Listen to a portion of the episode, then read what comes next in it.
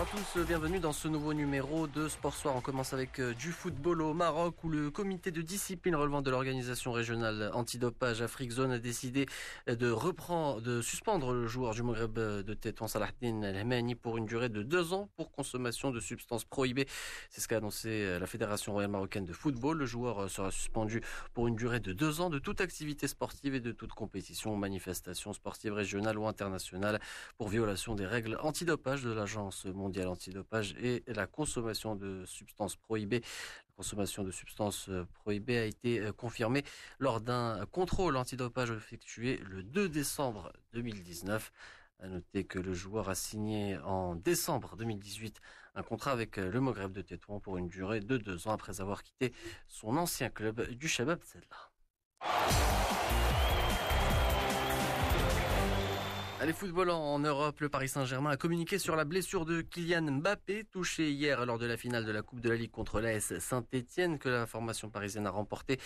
L'international français souffre d'une entorse de la cheville droite avec lésion importante du compartiment euh, latéral externe à réévaluer. Dans les jours qui viennent, le champion du monde 2018 euh, devrait donc être définitivement fixé sur son euh, sort mardi prochain. Sa participation pour la finale de la Coupe de la Ligue face à l'Olympique lyonnais le 31 juillet semble compromise. Reste à savoir à présent si Mbappé sera opérationnel pour le quart de finale de la Ligue des Champions face à l'Atalanta Bergame le 12 août prochain. L'Italie euh, avec euh, aujourd'hui les rencontres de la 36e journée de Serie A en ce moment. L'Inter Milan à l'occasion de s'emparer provisoirement de la deuxième place au classement général. Les Nerazzurri affrontent le Genova.